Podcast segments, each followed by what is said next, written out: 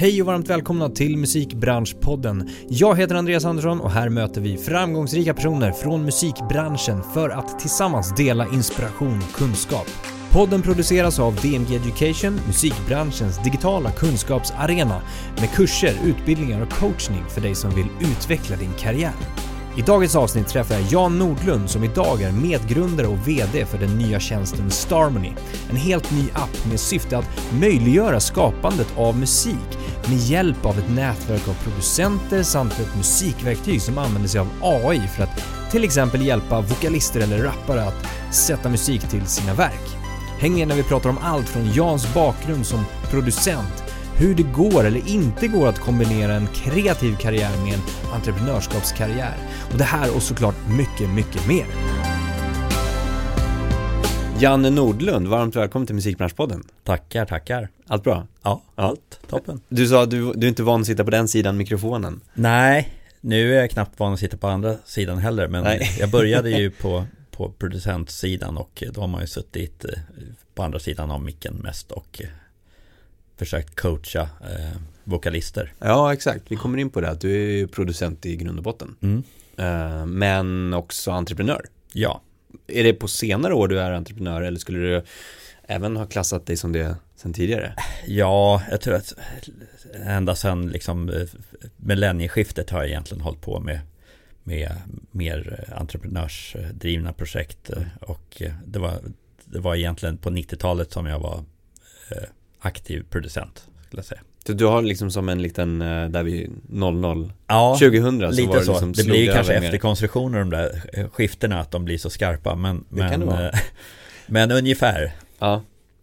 För, och det kan, vi kommer väl in på det också, men det handlar ju om ringsignaler i början till exempel. Exakt. Ja. Det var väl egentligen den som växlade över från, från liksom det aktiva producentlivet till, till något annat. Då. Ja, precis. Och då rent spontant så ser man dig sitta med en sån här äh, gammal Ericsson-telefon och knappa ringsignaler, men det är inte det det handlar om. Ja, men det, nä, nästintill var det det på den tiden. Vi gjorde de första ringsignalerna i, i, i studion och eh, försökte få över dem till telefoner med hjälp av eh, utvecklare och sådär. Så Ja, att, eh, det är lättare idag än, än Ja. då kanske. ja, absolut. Minst sagt. Det den tekniska utvecklingen har ju möjliggjort ganska mycket. Och det kommer vi få höra med det du gör idag. Starmony, Ja, som är liksom den nya, eh, det är en startup fortfarande kan man kalla det, eller? absolut. Mm. absolut. Eh, där du är medgrundare Mm. och vd just nu. Så vi kommer in på vad det är. Och eh, jag tänker bara att vi hoppar på, vi har ju snackat lite här innan. Ja. Jag har ju till och med fått se en, eh, en utveckling av appen. Ja, precis. Och, eh, det är ju superspännande. Som inte är släppt än. Eh, Men det, men, men det beskrivs i media till exempel och ni har ju skickat ut pressreleaser och sånt där. Det beskrivs ju då hjälpa till att skapa hitlåtar med AI. Mm. Och vi har ju snackat lite om det innan här då. Eh, Förklara. Ja, eh, det, det blir ju, det där AI är ju en magnet för, för liksom press och sådär. Så Mm. att har man någon slags eh, partikel med AI så, så blir det gärna rubriken. Ja. Eh, och, och, och det är inte helt fel, men, men i, i vår värld är det ändå en ganska liten del av vår teknik. Mm. Eh, och eh, vi jobbar med musikproducenter. Eh, liksom de, de är det viktiga komponenten för att, att skapa musiken. Mm. Däremot så sätter vi ihop musiken på ett helt nytt sätt genom teknik. Så eh, du som eh, vokalist eller artist, du kan vara rappare eller sångare. Du har en, får egentligen en liten studio i mobilen där du kan få ett bakgrundstrack eller en, en metronom och sen sjunger du in din idé och sen så sätter vi ihop en eh, faktiskt tre olika produktioner till den idén. Mm. Eh, och det bygger ju på massa teknik som gör att vi kan dynamiskt sätta ihop eh, musiken som är levererad av producenter. Producenterna är, är superviktiga och kommer att vara superviktiga i vår lösning även fall vi liksom utvecklar den här mer mot att, att ha AI-komponenter och sådär. Men eh, dels så tror vi att resultatet blir mycket roligare och bättre med eh, riktiga producenter eh, Mm. i botten eh, och eh, dels blir liksom storyn mycket intressantare eh, om man har människor som har, har skapat. Men vi har försökt hitta en lösning där vi tar bort det väldigt tidsödande projektet där mittemellan från den kreativa idén eh, som du har någon idé på en, på en rap, rap eller du har en, en, en världens bästa refräng i huvudet eh, då kan du liksom applicera den direkt genom att sjunga in i appen och alltså, få ett resultat. Mm. Eh, det kan ju ta rätt lång tid att lyckas med det annars. Eh, så att vi har AI-komponenter som hjälper oss att ta beslut eh, hur vi ska liksom mixa ihop de här låtarna. Mm. Eh, men det är framförallt drivet av att, att vi jobbar med människor på, olika, på de olika sidorna. Ja, det finns ju en mänsklig touch bakom då i kreationen så att absolut, säga. Absolut. Så det är matchningen som där man hjälper till med ja. tekniken kan man väl säga. Det är ju lite, som du säger, det måste ju vara en liten balansgång att det är en media älskar mm. ordet AI, eller de två bokstäverna. och, och man får ut det, men samtidigt kreatörer, som vi snackade om också, kan vara lite tillbakadragande och vänta här nu, vadå? AI, AI-skapad musik, nej men det gillar vi inte.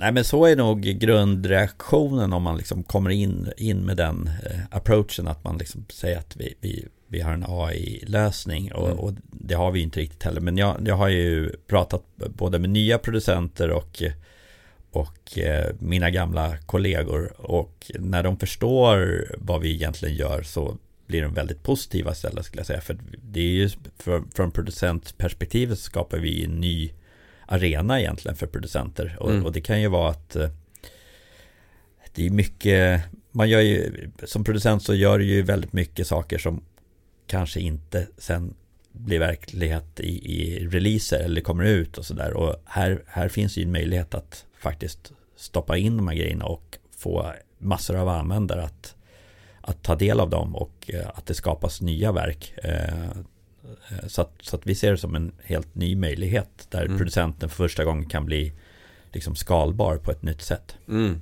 Ja exakt och lite motorn i det på något sätt Absolut. också, grundläggande sådär. Uh, men var, om vi börjar, om vi backar så här, varför den här idén? Var kommer den ifrån från början? Jag, jag, tror att man, man, man har sett utvecklingen på hur det är med bilder eller video eller till och med spel. Eh, du, du, kan skapa rätt coola eh, videos i TikTok eller andra verktyg. Du kan, du kan skapa till och med spel i Roblox eller andra plattformar.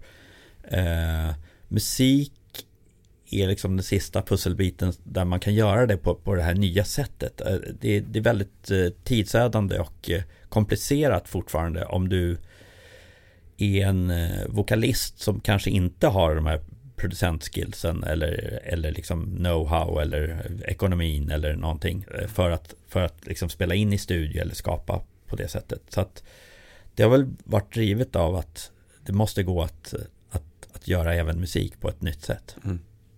Ja, men det är ju spännande. Det, och om vi, ska vi grotta ner oss lite grann i så här hur det fungerar då, då för att utbilda lite. Mm, det absolut. Älskar, det älskar vi att göra. Ja.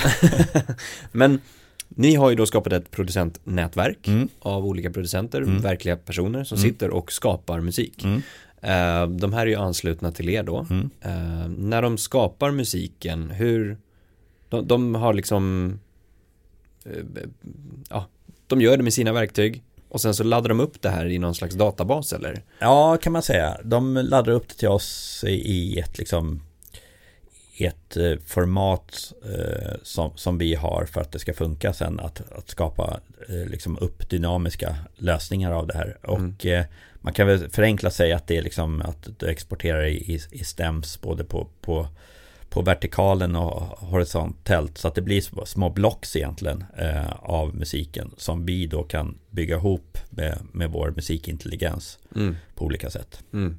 Just det. Och sen på andra sidan då så sitter det då vokalister ja. till exempel, eller inte bara vokalister men rappare, ja. vokalister eh, som i sin tur då inte alls har någon koll på vilken slags liksom bakgrundsmusik eller producerad musik som finns där. Nej. Utan kommer med sin idé. Ja. Så att det bygger, till skillnad från, från egentligen eh, alla skulle jag säga. Eh, det, det, finns ju lite appar som du kan liksom sjunga in låtar till beats och sådär. Men då är det oftast att det, de här liksom bakgrundsmusiken, det är just bakgrundsmusik. Den är statisk, den är liksom skapad den, det finns en färdig form på den, det finns liksom Du kan inte påverka den direkt Vi jobbar lite från andra håll, det kan man säga att Vi gör en analys, en teknisk analys på, på din sång och, mm.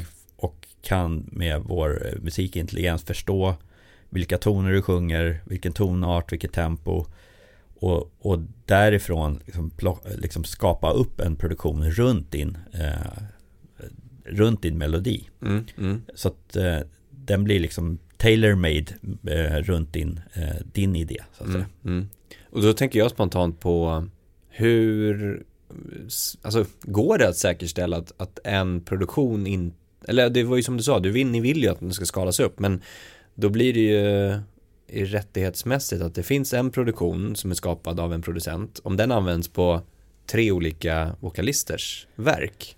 Eh, det, det, där kommer ju, eh, den kommer låta lite olika på, på de verken och det kommer ju låta olika för att det är olika verk. Mm. Eh, men det kommer att kunna hända att komponenter är, är likadana och mm. det tycker inte vi eh, är ett problem i sig. Eh, det är ju lite som att eh, på Jamaica där när de liksom har ett backing track och gör massor, massor varianter av det så, så, så, blir det liksom någon som blir hit och några som kanske inte blir hit.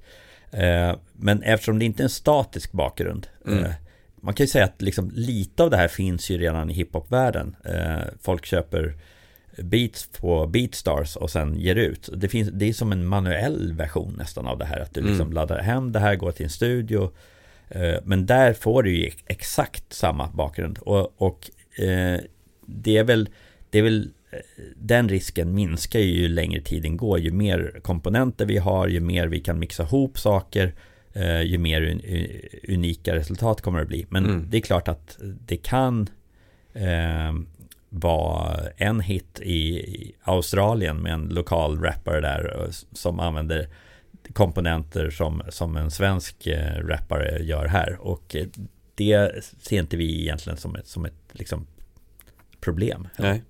För sen kommer ju då nästa fråga, just upphovsrättsmässigt då. Mm. Vem äger verken? Eller... Ja, vi, vi, ser det ju som att vi kommer skapa en, en jättekatalog eh, tillsammans med eh, liksom, nya eh, musikkreatörer, både, både producenter och eh, vokalister. Eh, och eh, i stort sett kan man säga att vi, vi delar 50-50 med eh, vokalisterna och eh, producenterna. Så att producenten eh, får 25% och vokalisten eller artisten då 25%.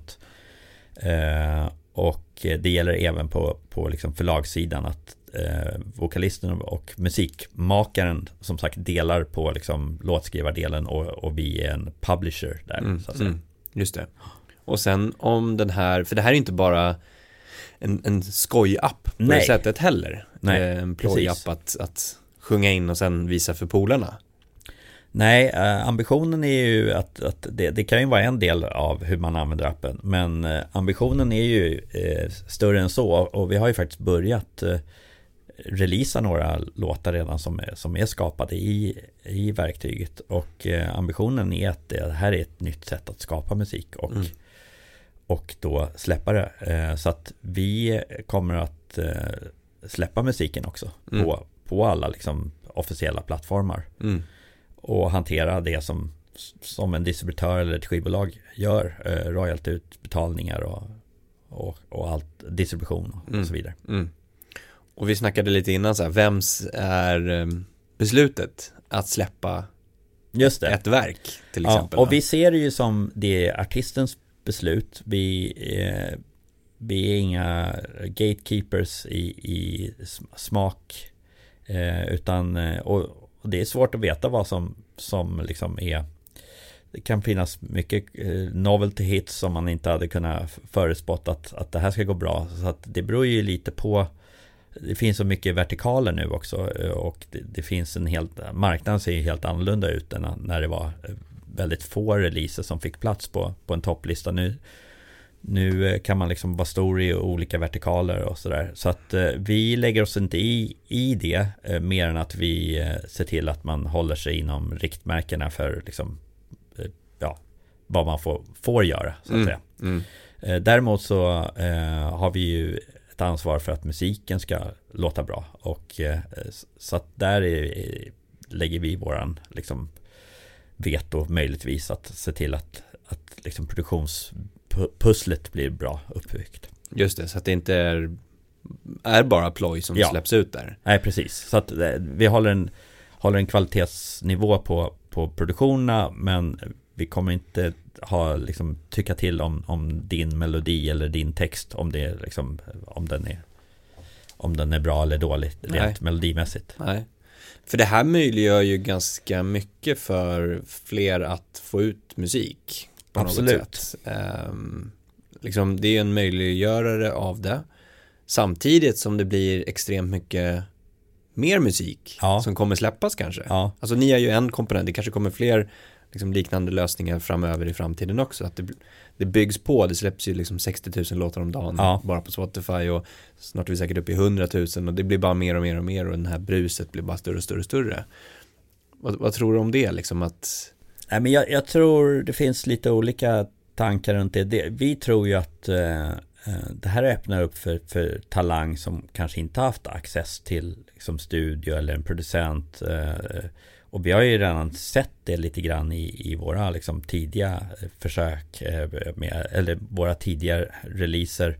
Eh, där vi har en, liksom, en afrikansk kille som, som sjöng in i appen som inte haft någon liksom, eh, ramverk för att gå in i en studio och förut som supertalangfull liksom. Och, och även eh, vokalister i Asien och sådär. Så att vi ser det som en lite slitet liksom med demokratisering av, av musikskapande. Men, men det, det, det är faktiskt det. Mm. Uh, att det sen blir uh, en ökad volym. Jag tror, jag tror att det, det där är ju liksom redan Det är ju redan, det är ingen som ha, ha, kan ta ett grepp om den volym som finns idag. Mm. Så skulle det vara tio gånger större Det spelar liksom ingen, ingen större roll. Det är bara data som ligger på på någon hårddisk till mm. slut liksom. Mm. Eh, så att det handlar ju om, om, om de vanliga sätten sen att, att nå ut och det som skillnaden nu det är ju att många, många influencers eller liksom personer är, är, sitt eget lilla mediebolag och de har sina egna nätverk och, och, och, kan sprida sin musik och det kan ju vara sådana som har plattformar redan som, som helt plötsligt får ett nytt verktyg att skapa liksom en ny typ av media, musik. Mm. Som förut hade kanske bara det här med liksom att göra, göra filmer och sådär. Mm. Eh, så, så jag tror att man får nog se det som att den här ökade mängden, det kommer att öka. Mm. Eh, men det, det, loppet är liksom att, att få grepp om allt redan, det är redan, redan passé. Så att mm. det, blir, det är bara eh, utrymme på hårddisk till slut. Mm.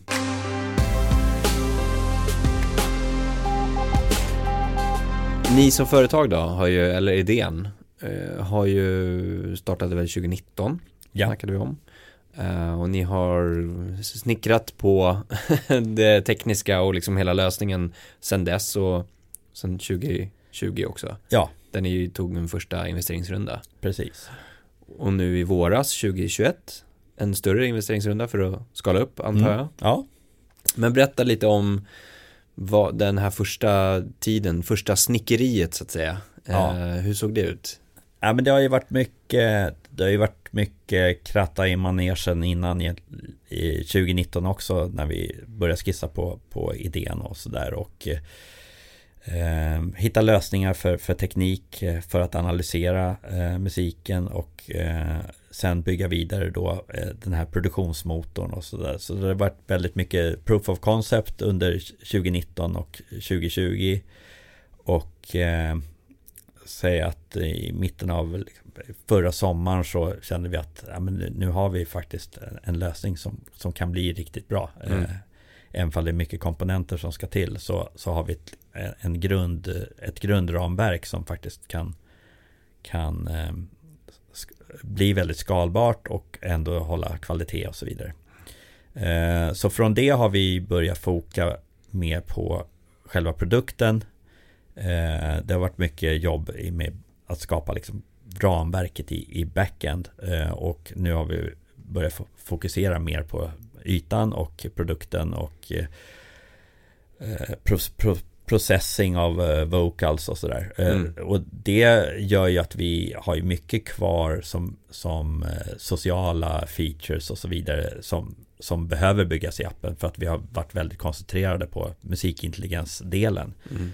Och där tror jag att vi är rätt unika om man kollar på de musikappar som är ute idag. är ju, som jag sa tidigare att det, det bygger mer på att appen är cool och bra och du kan göra saker med din röst men, men det finns inte så mycket dynamik i musikdelen. Mm. Eh, utan antingen är det färdiga bakgrunder eller så är det någonting som du måste skapa från början och då har du ganska långt kvar till, till att förverkliga din idé ändå. Så Mm. att eh, det är en ganska unik approach tror jag att liksom kombinera den här eh, ganska avancerade tekniken med, med ändå eh, människor på, Mm. på båda sidor. Mm. Ja, för det är det, kan tänka mig att det är då först snickeriet av, om vi kallar det för det, med den liksom tekniska och lösningen och allt det här som du pratar om. Och sen är det ju nätverksbyggandet med Mm. producenterna också, Absolut. eh, som, som är en liksom stor viktig komponent i det. Ehm, och den kan jag tänka mig också ta tid och liksom, Ja, och vi är ju, vi är ju bara i början på den också, även fall vi då har eh, hundratals producenter som är, är uppsignade och sådär, så, så har vi långt kvar även på det området. Eh, och, eh, men men det, har, det har gått bra tycker jag. Och den, den målgruppen är ju ganska duktig tekniskt och sådär och förstår eh, Mm. saker och ser också nya möjligheter Mm. skulle jag säga. Mm. Och, och förstår att det här kan vara en ny intressant nytt intressant sätt att, att få ut musik på. mm. och sen är det nästa komponent, det är väl då liksom användaren Ja, av själva appen.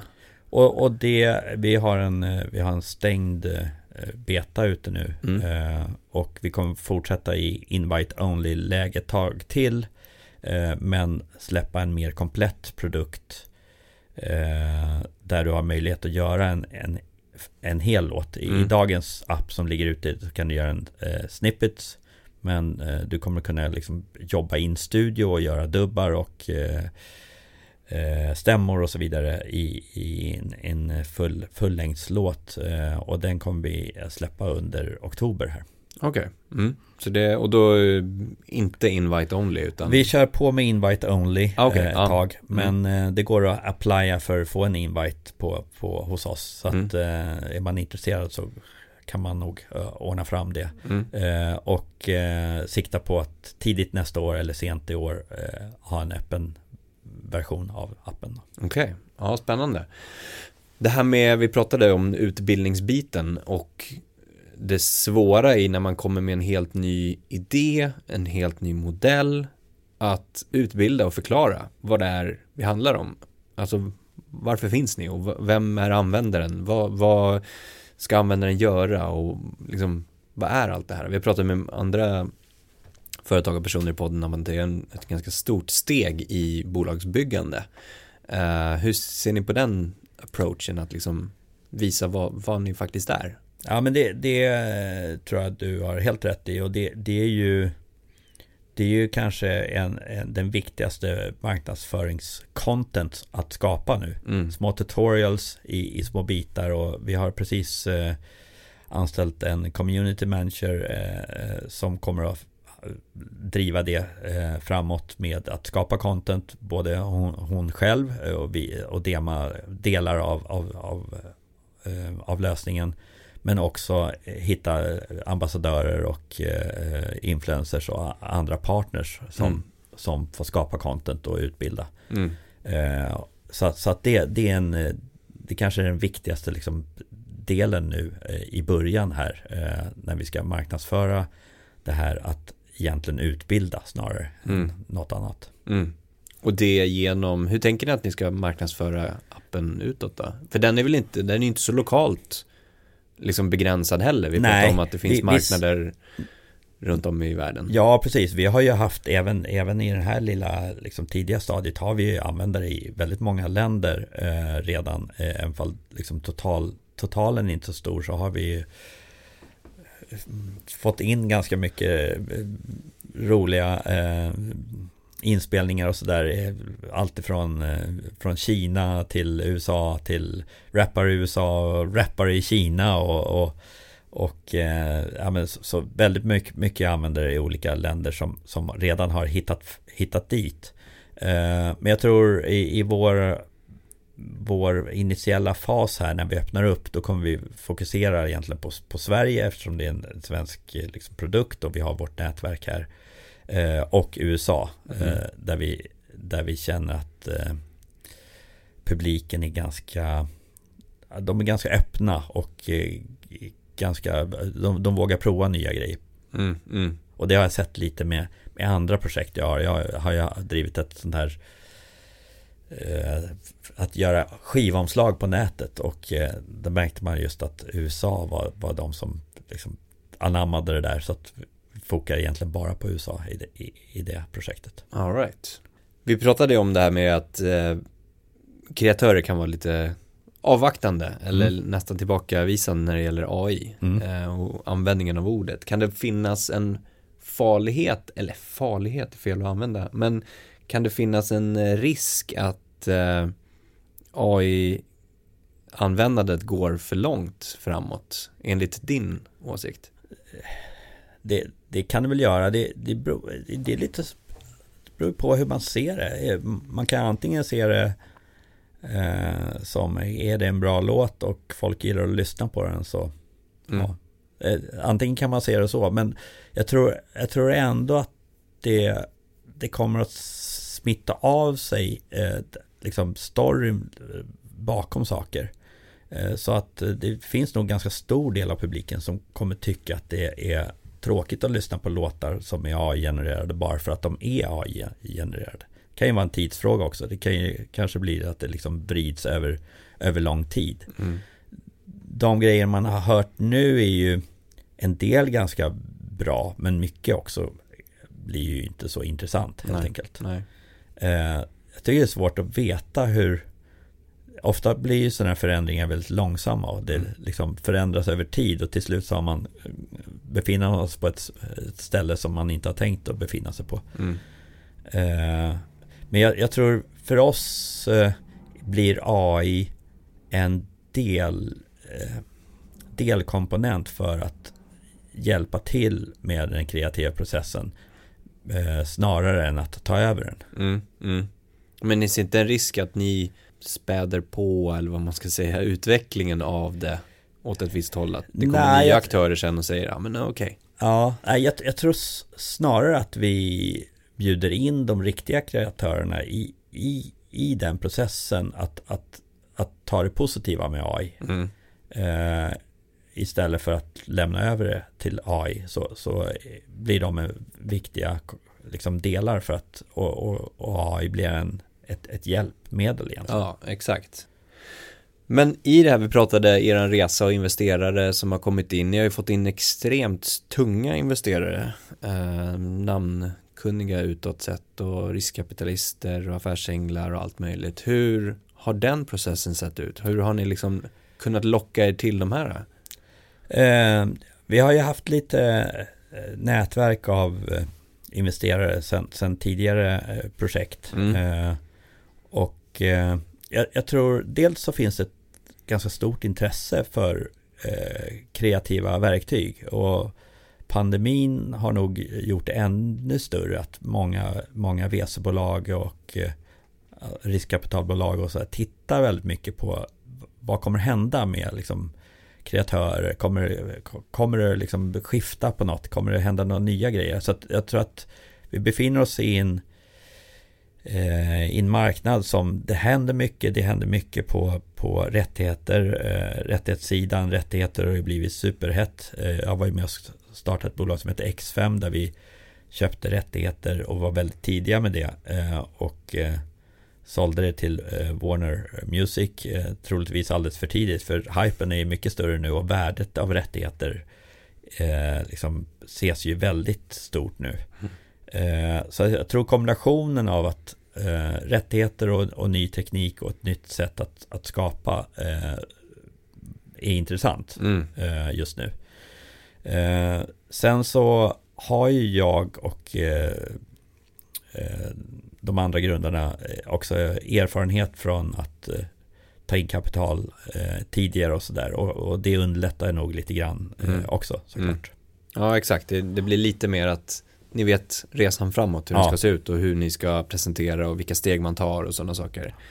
Um, när man redan är inne i det. Men jag tänker också att de här namnen um, på investerarna kan ju hjälpa till för er del, alltså att företaget utåt sett, till exempel i media. Absolut. Så ser man ju att det liksom späds på. Ser ni att det har hjälpt till att, att hypa upp det lite mer? Jo, men det, det kan det nog göra och framförallt så hjälper det nog till att, att gå vidare och mm. det här är ju inget projekt som vi tänker ju att det här, det här måste vi ta in ytterligare kapital för mm. att, att uh, växa vidare och uh, då tittar vi ganska mycket på liksom att, att ha mer internationella uh, investerare. Mm. vi har ju några, ett par amerikanska BSS inne nu men även kanske lite större amerikanska på, på sikt. Mm ja, de här investerarna vi har nu, de har ju ett, ett stort nätverk ute i, ute i världen också. Mm. Men eh, om vi tittar på hur det kommer utvecklas då, vad tror du?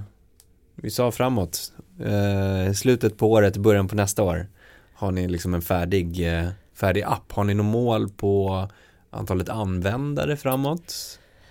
Det ha, eh, har vi eh, och det kan jag inte riktigt dela här. Nej. Men eh, jag skulle säga att, vi, att den inte är på något sätt färdig och det blir den väl aldrig. Men den blir i alla fall, eh, den blir, får, får, testas på en större publik. Ja. Eh, och vi har väldigt mycket av, av sociala features och så som, som kommer in löpande sen. Men mm.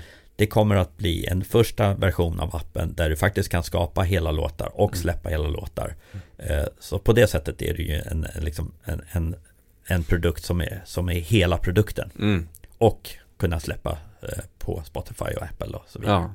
Och det handlar ju just om det att det, det kommer ju utvecklas hela tiden. Ja. Vi pratade med Linda Portnoff för några avsnitt sedan som Tangy Market. Samma sak där, att våga släppa den. Ja att liksom inse att den kommer utvecklas. Och jag tror att det är i, i, i den nya världen så, så måste man jobba iterativt mm. och, se hur användarna reagerar på olika eh, features och eh, eh, det, har, det är nog inte den här Big Bang-releasernas eh, tid Nej. är lite över. Jag tror att man, man måste ut och prova och få hjälp av användarna. Exakt, och också se hur den tekniska lösningarna framåt utvecklas och vad behöver man och i och med att det är en app ni är ju liksom beroende av en telefon ja. på det sättet och hur kommer telefonerna om tio år se ut? Ja.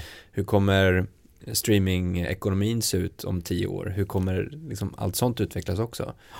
Så det är både den tekniska aspekten och eh, liksom industrin bakom. Absolut, och tekniken går ju jag menar, det, här med att kunna spela in i en telefonmick, mm. det var ju nästan att, att vi inte kunde liksom beta ifall det gick att få det tillräckligt bra eh, för ett par år sedan när vi liksom började skissa på det här. Men, men nu vi, kan vi verifiera att, och, och där går det ju åt rätt håll också, att, att devicerna får bättre och bättre eh, hårdvara i sig. Ja, exakt. Men du, jag tänker att vi ska gå in lite grann på, vi pratade li, lite grann om eh, din tidigare erfarenhet, X5 till exempel mm. och eh, ringsignal. Ja, precis. Men eh, liksom vad du tar med dig och vad, vart, vad du tar med dig och vart du befinner dig idag, så att säga. Eh, du kommer ju från den kreativa delen som producent mm. eh, och gått mer och mer över åt det entreprenöriella och business-sidan av musikbranschen. Men, men berätta lite om vad, kommer du ifrån från tidigare? Vi började 90-talet där? Ja, eller? precis. Eh, ja, men jag började som eh, inhouse-producent på Stockholm Records då som, som drevs av uh, Ola Håkansson och company. Uh, som en del av Polygram som blev Universal sen. Så det, det var en, en superkul tid och det var som en, en skola nästan i sig att, att vara där. Jag jobbade tillsammans med Johan Lagerlöf som också är medgrundare i det här eh, projektet. Vi jobbade där i ganska många år tills vi satte upp eget produktionsbolag och studio och ett litet förlag och började jobba egentligen med alla, alla majors. Eh, ganska mycket uppdragsproduktioner egentligen. Sådär. Mm. Och eh, det var väl i slutet på 90-talet vi, vi eh, jobbade som producent i nästan tio år. Eh, men sprang då på eh, det här med möjligheten med eh, mobila, liksom, mobiler och ringsignaler och sådär. Tanken var väl egentligen redan då att man skulle tänka sig att man konsumerade musik i en mobil. Och det närmsta man kunde göra det på vid den tidpunkten det var ju ringsignaler. Så vi startade ett bolag då som heter Mobile Hits. Där vi egentligen började förpacka ringsignaler lite mer som musik. Vi liksom följde, följde den officiella topplistan. Vi gjorde avtal med eh, Absolute Music och, och skivbolagen och syntes i tv-reklam och så vidare. Eh, det var en ganska liksom basic upplevelse med de här monofon, monofona ringsignalerna. Eh, men det, det, var ju det var en ganska stor hype ett tag. Mm. Eh, sen blev det ju mer spel och ja, mobilinnehåll generellt då. Eh, och vi tog in kapital till det där. Det var första gången egentligen man fick erfara hur, hur det var att ta in externt kapital och hantera det. sen sålde vi det till Aspiro Eh, som var ett listat bolag på den tiden och eh, som sen Jay-Z köpte upp för att skapa det här Tidal. Precis. Eh, och då tyckte jag att det var dags att, att, gå vidare egentligen då och tittade på nya projekt och då blev det egentligen två parallella projekt som vi, som vi startade. Ett var X5 som jag nämnde tidigare där vi där vi var tidiga egentligen med att förvärva digital eh, katalog. Det var snarare fysisk katalog som vi ville göra digital. Mm. Eh, och eh, det fanns katalogägare som tyckte att de visste inte ifall det bara skulle vara piracy i framtiden och vi bettade på att det skulle bli en legal marknad till slut. Så det här var väl 2004 eller något sånt där. Eh, så då sa vi att vi vill bara förvärva de digitala rättigheterna och du får behålla CD-distributionen. Så att vi gjorde ju väldigt bra eh, dealer i början. Eh, sen blev det ju svårare och svårare. Mm. Men vi fick in kapital i det, bland annat Northzone och andra investerare och sen såldes det som sagt till, till Warner. Till Warner ja. Och parallellt med det, jag var ju aldrig operativ i, i X5 så att parallellt med det så, så startade jag ett eh, mobile marketingbolag som, eh, som spann ut i ett, eh, ett eh, teknikbolag som heter Global Media Bank. Där vi eh, hjälpte bland annat Spotify eh, under ganska många år att, att få in innehåll från skivbolagen. Mm. Eh, vilket var en jätteutmaning i början när man skulle få, få volym på, på filerna var det liksom det kanske lättaste. Men framförallt metadata. Så att vi skötte allt, allt det tråkiga behind the scenes i, i liksom eh, digitala musiklösningar. Eh, och hade plattformar som hanterar metadata och rena upp och, och sådär. Så att Eh, lite bakgrunden är liksom eh, både musikrättigheter då i X5 och mm. eh, hands-on eh, eh producent och det här tråkiga teknikstrukturen. och man kan säga att i, i Starmon är det lite all, alla de alla komponenterna aspekterna. finns ja, där. Ja. Så att det, det blir en bäst av det här. Eller hur, det knyter ja. ihop liksom de senaste 30 ja, åren. Lite så. Och det, det är absolut det roligaste projektet måste jag säga Starmony för att, mm. det, för att du har teknikhöjden på allting men, men också eh, att, att man är nära eh, kreation mm.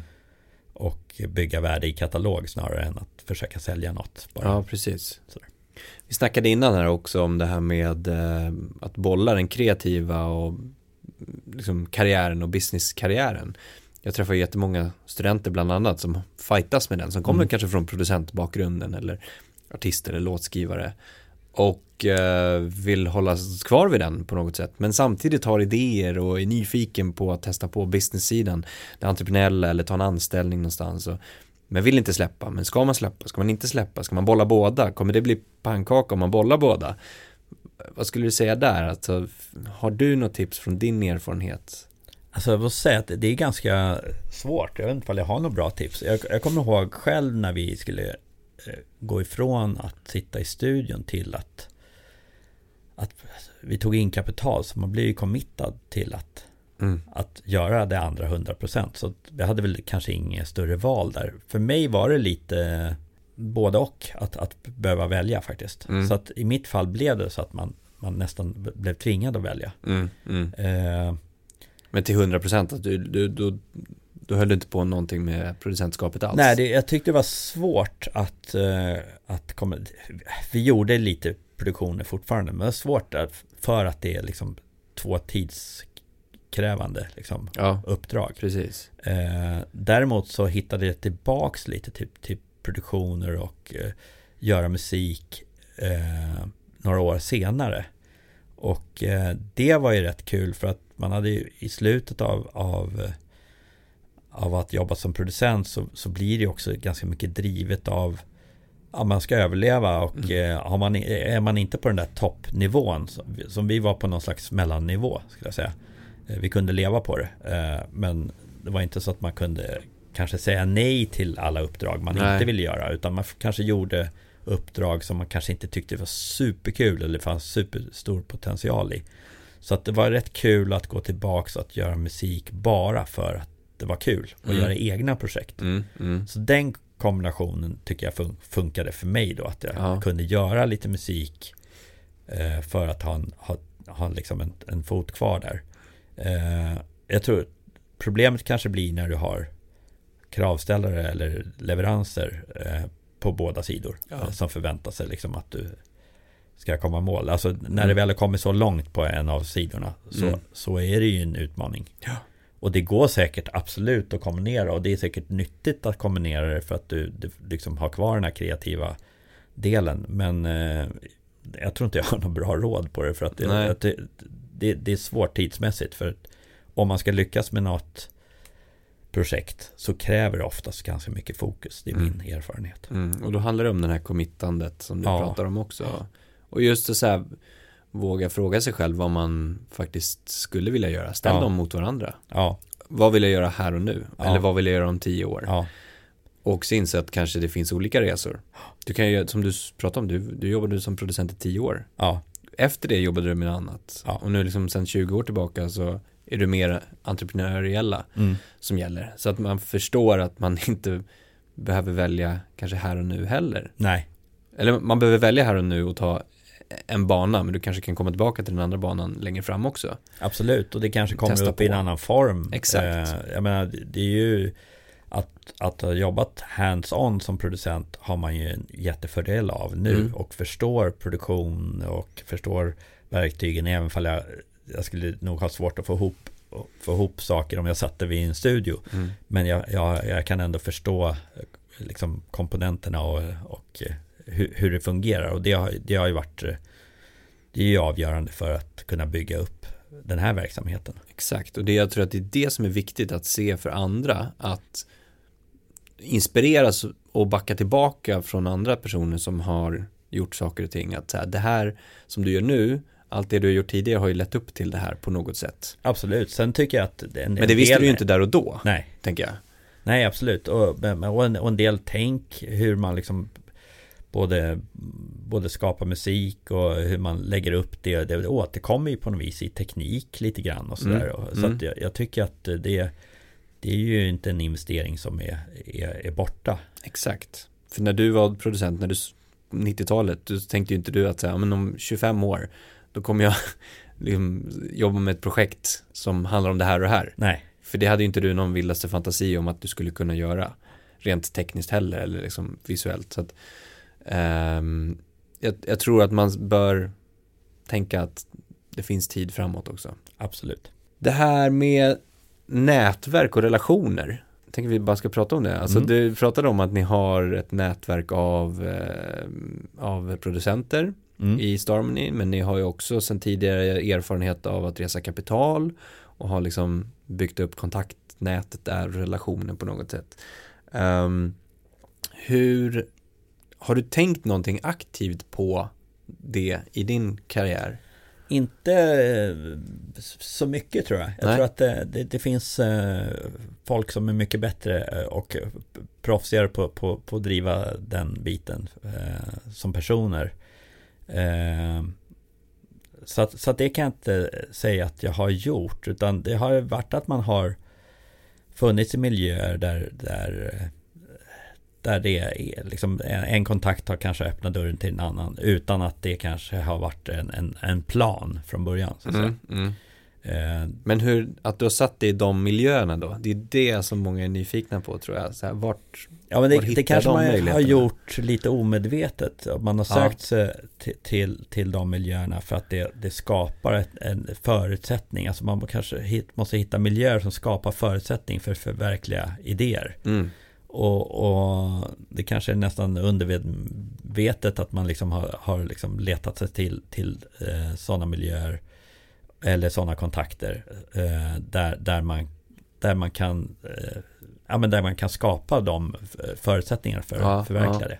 många av dem jag pratar med, just studenter framförallt, är ju nyfikna på hur man sätter sig in i de här sammanhangen på något sätt. Och Mm. då, jag har pratat om det ganska mycket, att under pandemin framförallt så har ju alla blivit väldigt digitalt anpassade. Mm. Eh, och det finns ju ett ypperligt tillfälle att söka kontakt, Mm. att skapa kontakt digitalt. För att sen, när vi nu börjar öppna upp, att träffas fysiskt. Ehm, för det är alltid, har jag upplevt i alla fall, det är alltid lättare att skapa den första digitala kontakten för att liksom sen börja skapa en relation med Mm. den här personen eller företaget eller vad det nu kan vara. Ehm, så att, att verkligen liksom passa på Mm. på något sätt också. Ja, absolut. Och jag, jag tycker det kan li, lite på, på det här temat så, så um, emellan att innan jag startade Starmoney så, Mm. så, så startade jag och, och en kollega ett eh, en litet eh, design eh, designtjänst egentligen för, för skivomslag. Mm. För det var också någonting som inte fanns där ute. Det fanns eh, 40-tal distributörer.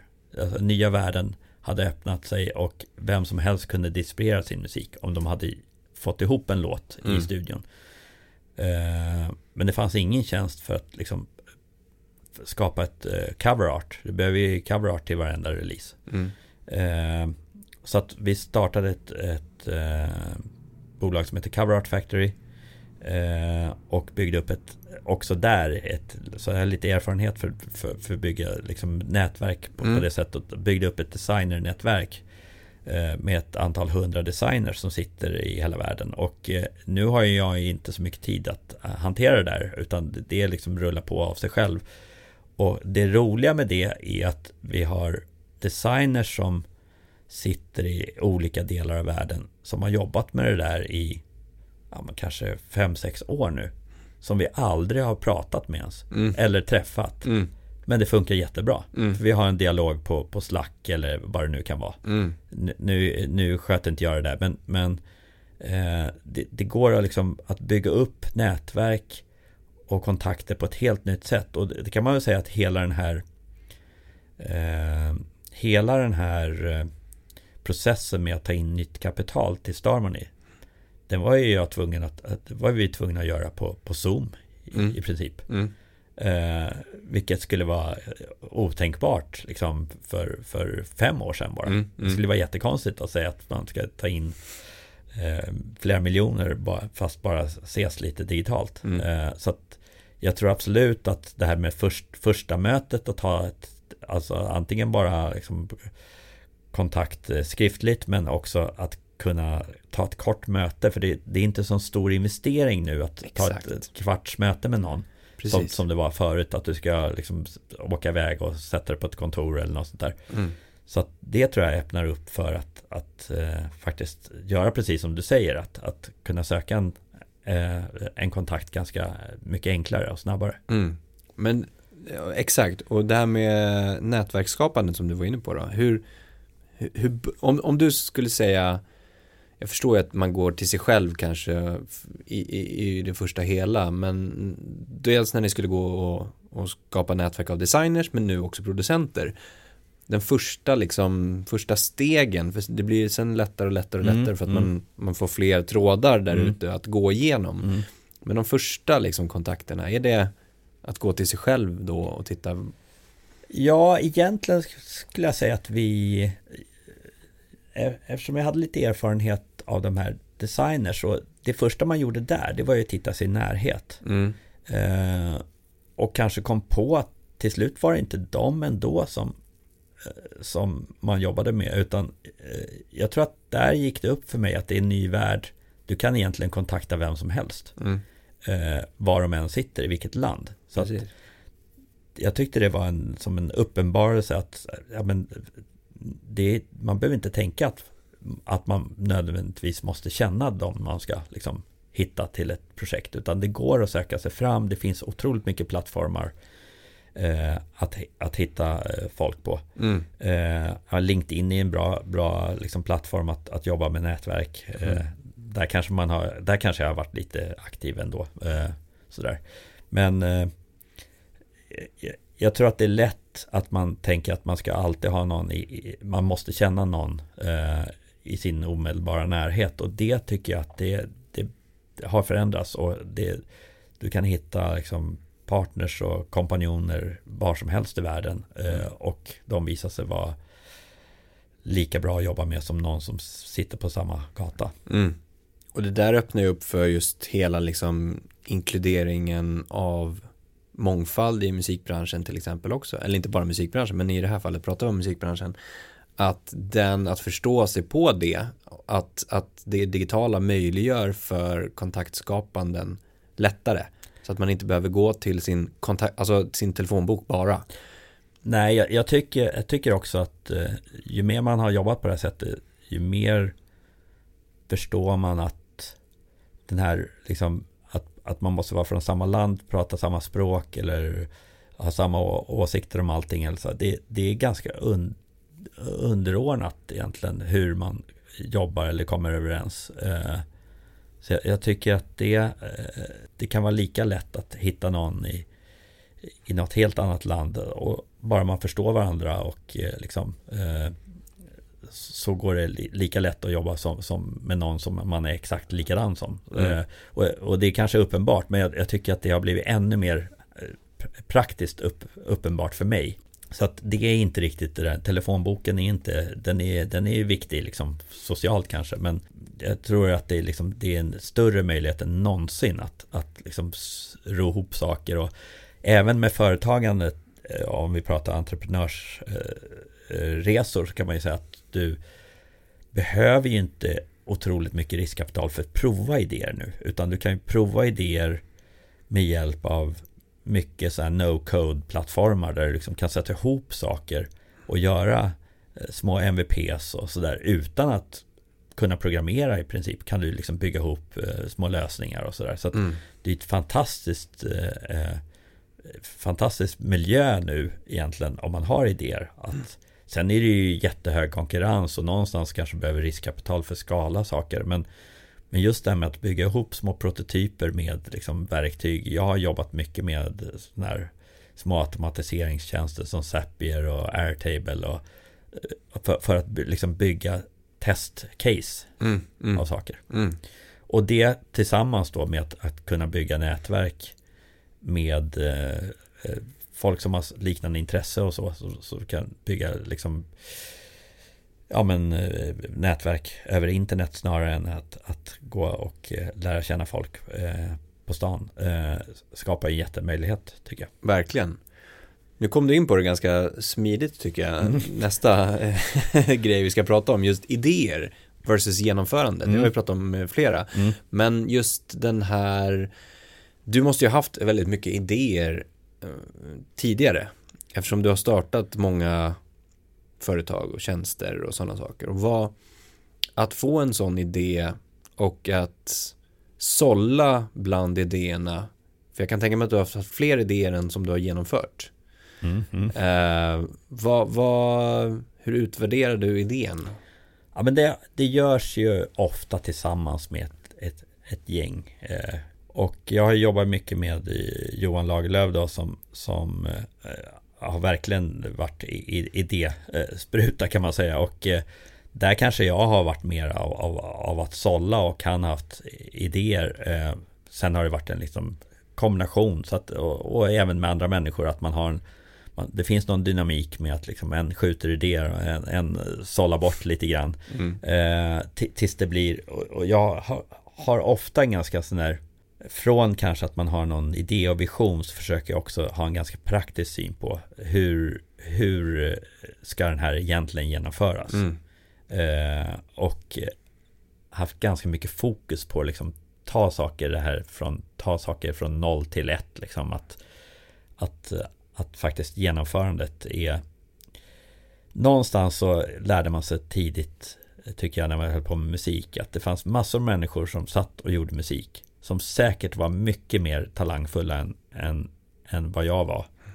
Eh, men nyckeln var lite att göra klart. Och det blev mm. först när man blev tvingad att göra klart. Vi gjorde första liksom, produktionerna som skulle ut på, på skiva och man hade en masteringstid.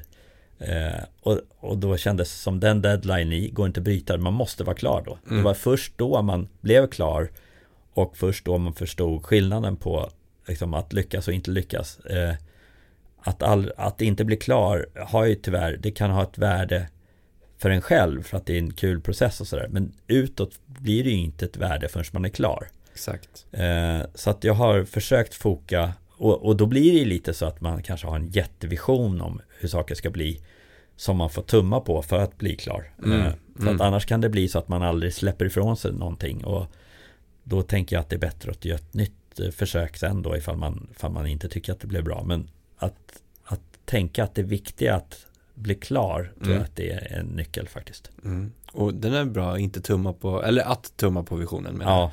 Och att bli klar och inse, vi har pratat om det många gånger, men att inte vara, göra det till 110% utan det kan vara klart när det är 80, 90. Ja, speciellt sådana här case där man utvecklar ja. en app eller te teknologi. Det kan man ju fylla på saker. Det är kanske svårare med, en, med musik för då blir det en release. Men, ja. men egentligen kan man iterera fram där och ja, man, man får se det som att ja, det var en låt. Sen får man göra den ännu bättre nästa gång. Istället för att tänka att man ska göra världens bästa låt som första release. Så, så, så, kommer den aldrig. Ja. Eh, då har den ju tyvärr inget värde utanför för dig själv. Så att säga. Precis. Ja, för min egen del, jag har också så här mycket idéer, men jag är väldigt fokuserad på genomförandet också. Jag har dels idédokument och idélistor. Så att för att inte störa min, min, mina andra processer när jag sitter uppe och jobbar med någonting så skriver jag alltid ner idéerna, mm. alla mm. idéer mm. som kommer. Ja. Eh, jag har dels en, en Trello-lista och sen så utvecklar jag eh, idéerna därifrån in i ett idédokument som jag har. Eh, och sen så avsätter jag tid lite då och då mm. och går igenom de här mm. och lyfta upp dem ännu mer till ytan och se så här, ja men okej, är det här någonting som jag vill, tycker det är spännande att ta tag i nu? Är det en bra idé? Är det genomförbart just nu? Eh, eller ska den ligga kvar? Mm. Jag skrotar den inte, den ligger Nej. kvar där.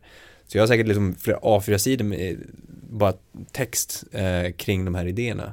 Eh, och då och då så bara, fan det här var en jävla bra idé alltså. Mm. Eh, och så lyfter man upp den och så gör man ett projekt av den eller liksom tar vidare till nästa steg. Och där kan det ju vara en, en, en bra grej att hitta en, liksom en, en, en medgrundare eller mm. ja, om det är ett bolag eller någonting som, som liksom skjuter in ny energi till en idé liksom får den liksom att tweaka den lite grann och att man liksom får, får fart på den för att mm. någonstans så är ju det här det, det, är svårt att vara helt själv med, med en, en idé och genomföra den för man, man dyker alltid det blir alltid en massa dalar såklart mm. i, i, i projektet och då behöver man lite olika energier som puttar på mm. eh, och växeldrar. Tror jag. Exakt, växeldrar. Bra, bra liknelse.